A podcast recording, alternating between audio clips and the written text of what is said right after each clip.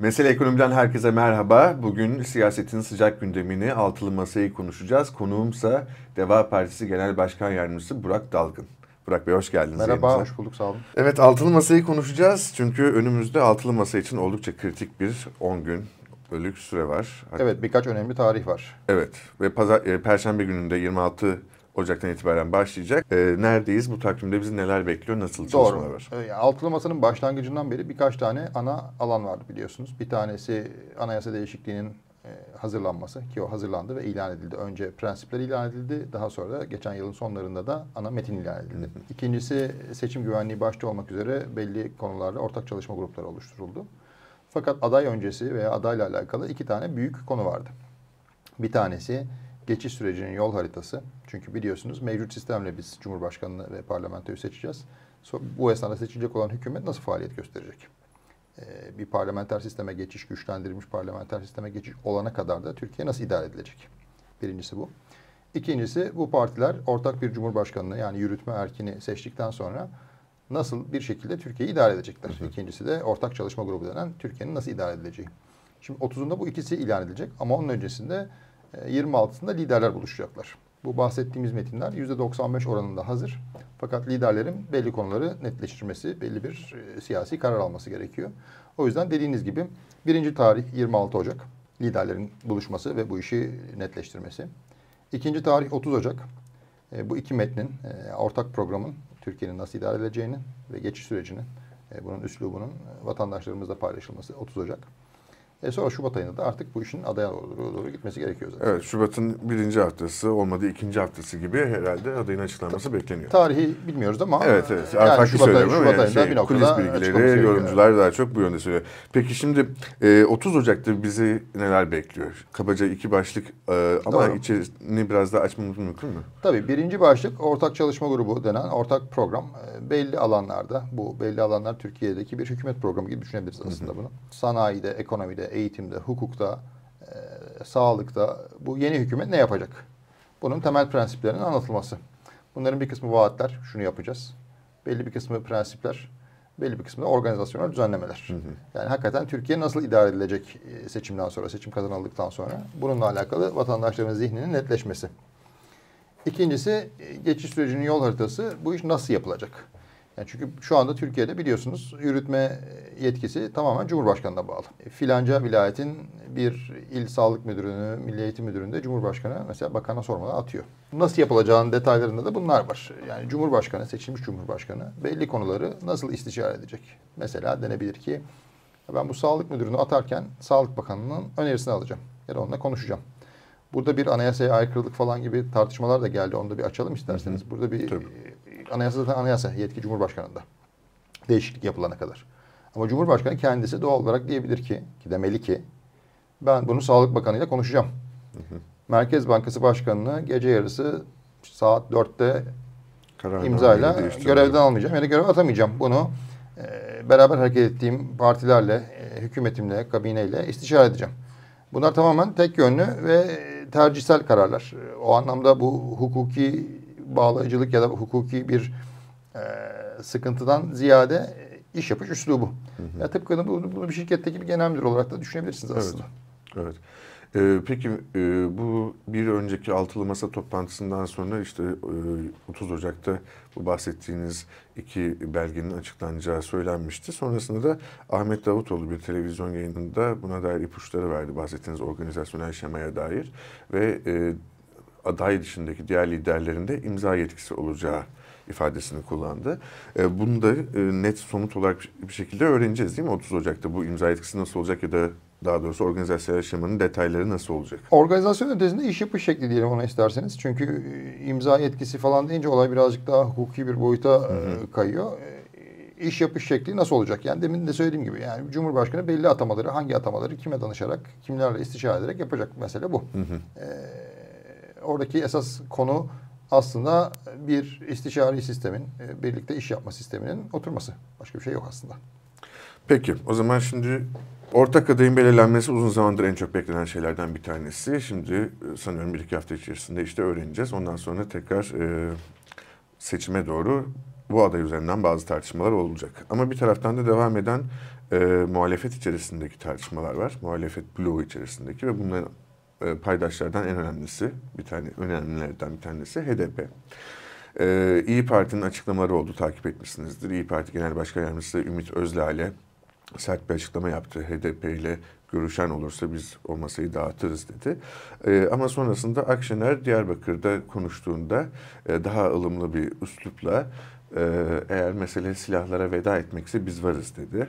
E, yorumcular da bunu Ümit Özdağ'ın çıkışından sonra e, biraz daha ortamı yumuşatmak veya bir adım geri atmak olarak yorumladı. Bununla başlayalım. Siz nasıl yorumluyorsunuz? Sonra HDP tartışmasının detaylarına ve Deva Partisi'nin konumuna geçelim. Onu iki başlık altında ele alalım isterseniz. Bir tanesi altılı masa, birisi partilerin kendi pozisyonları. Şimdi altılı masanın her kararı ortak mutabakatla alınıyor. Yani ne demek? Altı partinin altısının da e, o konuya mutabık olması lazım demek. Evet. Bir tanesi bile istemesi o olmuyor. E, HDP tartışması da altılı masa çerçevesinde ele almak ayrı bir konu. Partilerin her birinde farklı pozisyonları var. Örneğin Deva Partisi HDP ile görüşüyor. Çünkü mecliste olan bir parti e, 6 milyon oy almış. İşte onların meclis başkan vekili meclisi idare ettiğinde kanun çıkıyor. Devlet onların milletvekillerine maaş ödüyor. O yüzden de görüşülmesi gerektiğine dair bir kanaate sahip. Başka bazı partiler de kategorik olarak görüşmeyi reddediyorlar.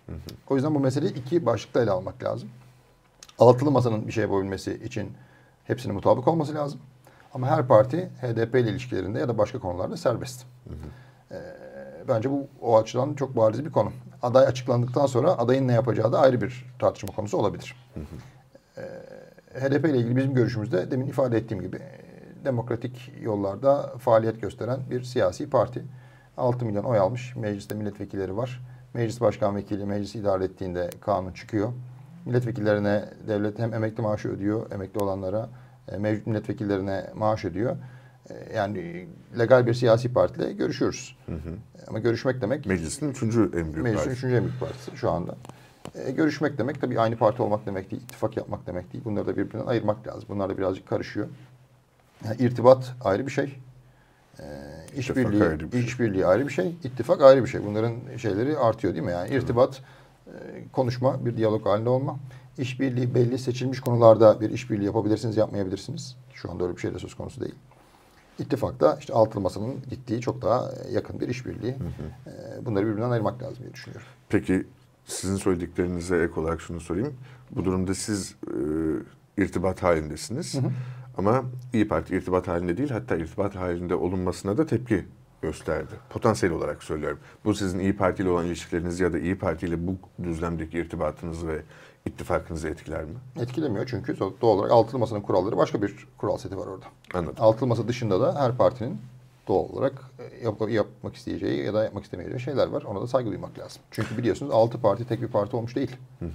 Altı farklı partinin bir ortak çalışması var orada. Ama farklılıklar devam ediyor. E, bu minvalde bir de HDP kapatılırsa HDP e, milletvekili adaylarının Deva Partisi listesinden girebileceğine dönük bir spekülasyon oldu ama zaten Yok abi bir şey. parti olarak siz bunu yalanladınız. Peki bu minvalde e, biraz Deva Partisi'ne ve Ali Babacan'a e, bakmak istiyorum. Son dönemlerde biz de yaptığımız röportajlarda bunu konuştuk. Ali Babacan'ın son dönemdeki çıkışları epey ses getirdi. Farklı farklı. İşte Evet. Saraçhane mitingindeki konuşması, e, işte Kürt meselesine dair e, Kürtçenin ana dil olması ve anayasadaki vatandaşlık tanımının yeniden düzenlenmesi gerektiğine dair çıkışı. E, son olarak da savunma sanayi ve Bayraktar şirketine yönelik e, çıkışları. Hem bu çıkışları e, siz nasıl değerlendiriyorsunuz? Parti içerisinde nasıl yankı buldu? Daha da önemlisi şunu sormak istiyorum. Özellikle savunma sanayine yönelik söylediklerinden sonra geçtiğimiz haftaki grup toplantısında e, Cumhurbaşkanı Erdoğan çok e, konuşmanın ciddi bir kısmını buna ayırdı. Çok sert konuştu. Ali Babacan'ı e, hedef aldı. Hemen arkasından Ahmet Davutoğlu'nu hedef aldı. Daha öncesinde de Deva Partisi'ni ve Gelecek Partisi'ni doğrudan hedef almıyordu konuşmalarında. Ama şimdi bayağı bir e, hedef aldı. Muhtemelen de e, seçim kampanyası boyunca da böyle devam edecek gibi gözüküyor. Bunları nasıl değerlendiriyorsunuz? Mümkündür. Ee, tabii o Sayın Cumhurbaşkanı'nın kendi değerlendirmesi. Onu Gayet ay- tabii. ay- ay- ay- ayrı tutmak lazım.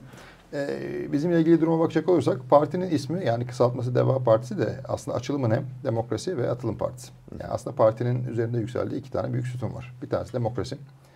Evrensel standartlarda herkes için demokrasi. İkincisi atılım. Türkiye'nin bilhassa katma değerli bir şekilde, nitelikli bir şekilde kalkınmasını sağlanması. Kabaca partinin iki tane temel sütunu bu. Tabii bunu gerçekleştirmek için pek çok şey yapmanız lazım. İşte eğitim yapmanız lazım, hukuk yapmanız lazım, güven vermeniz lazım. Onlar icapları ama temel hedefleriniz, demokrasi hedefiniz var, atılma hedefiniz var. Ali Bey'in söyledikleri de aslında bu iki tane hedefe dokunan şeyler. Demokrasi, herkes için demokrasi, evrensel standartta de demokrasi. Ee, rakiplerimizle de sandıkta normal bir demokratik ortamda, özgür basının olduğu bir ortamda hesaplaşalım, rekabet edelim. Ama rekabet edebilmemiz için rekabet şartlarının bir oluşması lazım. Herkesin bir e, eşit, adil bir düzlemde yarışabilmesi lazım ki vatandaş tercihini yapsın. Ha, bunun için de e, herkesin üzerindeki baskıların bir kaldırılması lazım ki e, eşit şartlar oluşsun. Yani e, madem mesele ekonomideyiz oradan bir ilham alalım. E, özgür piyasa koşulları, serbest piyasa koşulları oluşsun ki e, vatandaş demokratik tercihini yapabilsin. Yani demokrasiyle ilgili veya haklarla ilgili söyledikleri şeylerin aslında özünde bu var. E, diğeri de atılım. Her sektörün atılım yapması lazım. E, savunma sanayi bunun önemlilerinden bir tanesi. E, daha önce biliyorsunuz ben de kendi eylem planlarımızda da ifade ettim. Ali Bey de daha önce ifade etti çeşitli şekillerde. Savunma sanayi çok kritik bir sektör Türkiye için. Birden fazla sebeple. Bir tanesi milli güvenlik açısından tabii kritik. Çünkü biz e, Haydi'nin köyünde yaşamıyoruz. Yani İsviçre çayırlarında yaşamıyoruz. Bulunduğumuz coğrafya itibariyle hakikaten kritik bir kabiliyet. İkincisi bunlar bir platform sektörler. Mesela İsrail ile Amerika bunun çok güzel örnekleri. Ee, uzay da böyle mesela değil mi? Bu platform sektörlerde yaptığınız yatırımların diğer teknolojik alanlara bir sıçraması, taşması oluyor. Orada işi öğrenenler ya da oradaki birincil e, araştırmaları görenler onun üzerine kendi ticari e, enstrümanlarını, ürünlerini geliştirebiliyorlar. İşte MBAR sistemi, MR değil mi? Hı hı. Ay'a gitme, uzay araştırmalarının çıktısı biz bugün işte omurumuzdaki evet. düzgünlüğe baktırıyoruz. Ha demek ki platform sektörü olarak da savunma sanayi önemli. Üçüncüsü tabii yerlileşme. E, yerli kabiliyetlerin gelişmesi açısından da çok kritik. Yani o anlamda bizim için de çok kritik bir platform sektör. E, bizim de iddialı olduğumuz bir alan. Ha bunu yaparken Türkiye'de 10 tane şirket çıksın, 50 tane şirket çıksın, 100 tane şirket çıksın. Amaç bu. Hı hı. Yani ta 1984'te TUSAŞ F-16'ları yapmaya başladı. Bugün de dünyadaki 100 büyük şirketten, savunma sanayi şirketinden bir tanesi. Baykar dronlarıyla, İHA'larla, SİHA'larla çok başarılı işler yaptı. Aselsan keza. E, şu anda ismini zikredemeyeceğimiz pek çok startup'ımız bu alanda faaliyet gösteriyor. Amaç buranın bir ekosistem olarak birbirini besleyen şirketler olarak birden fazla şirketin çalışması. E, yoksa bir siyasi partinin veya devletin herhangi bir şirkete e, daha yakın ya da daha uzak olması söz konusu olamaz. Hı hı. Hepsine eşit yakınlıkta.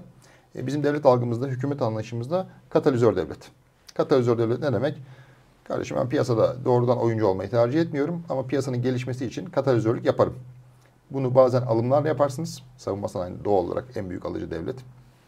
Bazen eğitimi oraya doğru e, ittirerek yapabilirsiniz. Bazen altyapıyı sağlayarak yapabilirsiniz. Yani sektörün rekabetçiliğin gelişmesi için katalizörlük yapmanız lazım. Ee, sonra da rekabet şartlarının oluşması lazım. Mesela bunlar ibaret. Yani olayı tekrar bir özetlemek gerekirse ana argümanlar ya da ana söylemler aslında ya demokrasi sütununa dokunuyor ya da atılım sütununa dokunuyor. Siz e, Ali Babacan'ın açıklamalarından sonra da e, bunları konuşuyoruz ama mesela F-35 meselesini hiç konuşmuyoruz dediniz. Evet. Ya ee, savunma sanayi çok büyük bir derya. Yani dediğim gibi hem milli güvenlik açısından hem teknolojik kabiliyetler açısından. Yani birkaç tane örnek. İşte Altay tankı. Hı hı. Prototipin inşası ama tanklar nerede? Tankların üretimi yok. Hı hı. Hı Ee, başka bir şirketteydi biliyorsunuz. Ee, o şirketten alındı. Başka bir şirkete devredildi. Üretimi bilmiyoruz. F-35'ler Türkiye orada bir o, üretim ortaklarından bir tanesiydi. Türkiye'nin herhalde en az 10 milyar dolarlık bir savunma sanayi ihracatı olacaktı. Bizim şirketlerimiz orada yer alacaklardı, bir şeyler öğreneceklerdi. Hem kritik kabiliyetler edineceklerdi. Yarın öbür gün hakikaten bizim yerli bir şeyleri yapmamız için. Ama öne, daha önemlisi orada bir şeyler öğrenen mühendislerimiz, e, teknisyenlerimiz, işçilerimiz yarın öbür gün kendi şirketlerini kuracaklardı. İşte İsrail gemi dediğim gibi yani çok kritik bir örnek. Biz F-35'ten çıktık. Bunun maliyetini pek konuşmuyoruz. Yani bu işlere bakarken e, birkaç açıdan bakmak lazım. Tabii birincisi milli güvenlik. E, ikincisi dış ilişkiler. Genel Türkiye'nin e, nerede, dünyada nerede konumlandığı. Ama bununla beraber işte bu ihracat, katma değer, kabiliyet geliştirme kısımları çok önemli. Çünkü biliyorsunuz yani bizim ihracatımızın kilosu hala bir dolar. Yıllardır aşamıyor. Yani 1,3 dolara geliyor. işte 1,1 dolara iniyor falan. E yazık günah değil mi yani? Ya Polonya 2 dolara gidiyor. Hı hı. Almanya, Japonya zaten 4 dolarda. Kore 2,5 doları geçti. Çin 2 dolara doğru yürüyor. E yazık günah değil mi yani? Bizim ihracatın kilosu dediğimiz şey aslında içine biz ne koyuyoruz? E, vatandaşımızın, emekçimizin emeğini koyuyoruz. Değil mi? Memleketin taşını toprağını çevreye olan etkilerini koyuyoruz. E, bunun neticesinde bir şey satıyoruz. Ha, bu 1 dolar değil de 2 dolar olursa hepimiz daha çok para kazanacağız. Çok açık yani. Evet, evet. Peki son olarak e, şuna biraz değinelim. E, şimdi ortak aday tartışması uzun zamandır gündemimizde. İşte nihayete erecek ama sonrasında yine tartışmalar devam edeceğe benziyor. Çünkü çok zorlu bir sınav var muhalefet partilerinin ve altılı masanın önünde. O da ortak listelerin açıklanması, milletvekili listelerinin açıklanması. Ee, bunu tabii daha seçime doğru e, bunları göreceğiz ama e, şu an altılı masa içerisinde buna dair olan çalışmalar ve Deva Partisi olarak sizin yaptığınız çalışmalar ne, ne durumda muhalefet? O, orada bir komisyon var. Ee, partilerin en azından bizim için teşkilat başkanımızın görevlendirildiği, diğer partilerden tam isimleri bilmiyorum ama muhtemelen gene teşkilat başkanlarının görevlendirildiği. Ee, o komisyon e, seçim bölgesi seçim bölgesi bakacak. Türkiye'de 81 il var, 87 tane seçim bölgesi var. İstanbul'da, Ankara'da üçer tane, İzmir ve Bursa'da iki tane. Toplamda 87 tane seçim bölgesi var. Bu seçim bölgelerinin hangilerinde beraber hareket etmek daha mantıklı, hangilerinde ayrı girmek daha mantıklı.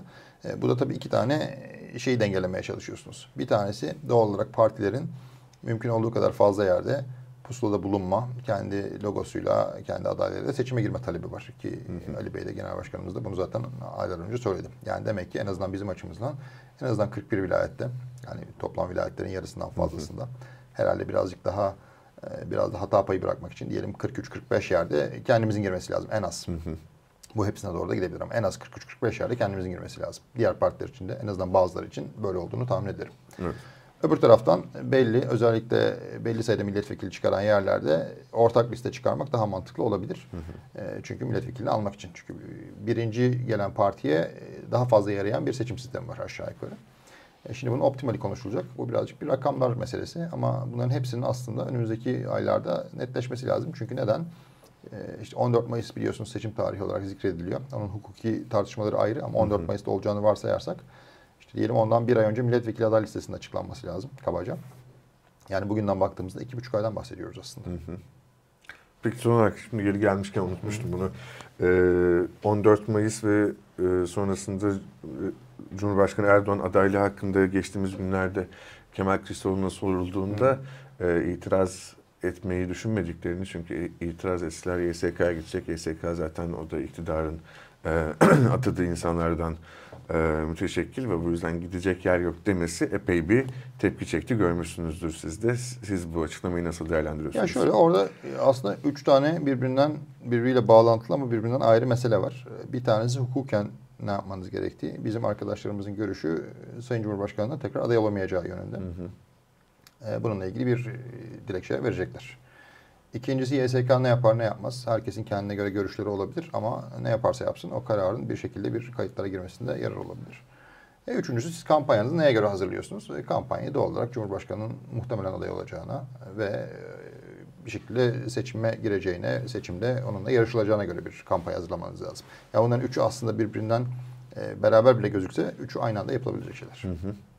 Ama yani doğru kelimelerin tercih edilmediği, doğru ifade edilmediği ve bir anlamda siyasi iletişim açısından talihsiz bir açıklama olduğu söylendi.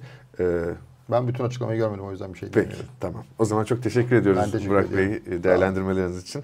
Ee, tekrar e, önümüzdeki aylarda e, gelişmelere göre sizden değerlendirmelerinizi almak isteriz. Memnuniyetle her zaman. Çok sağ olun.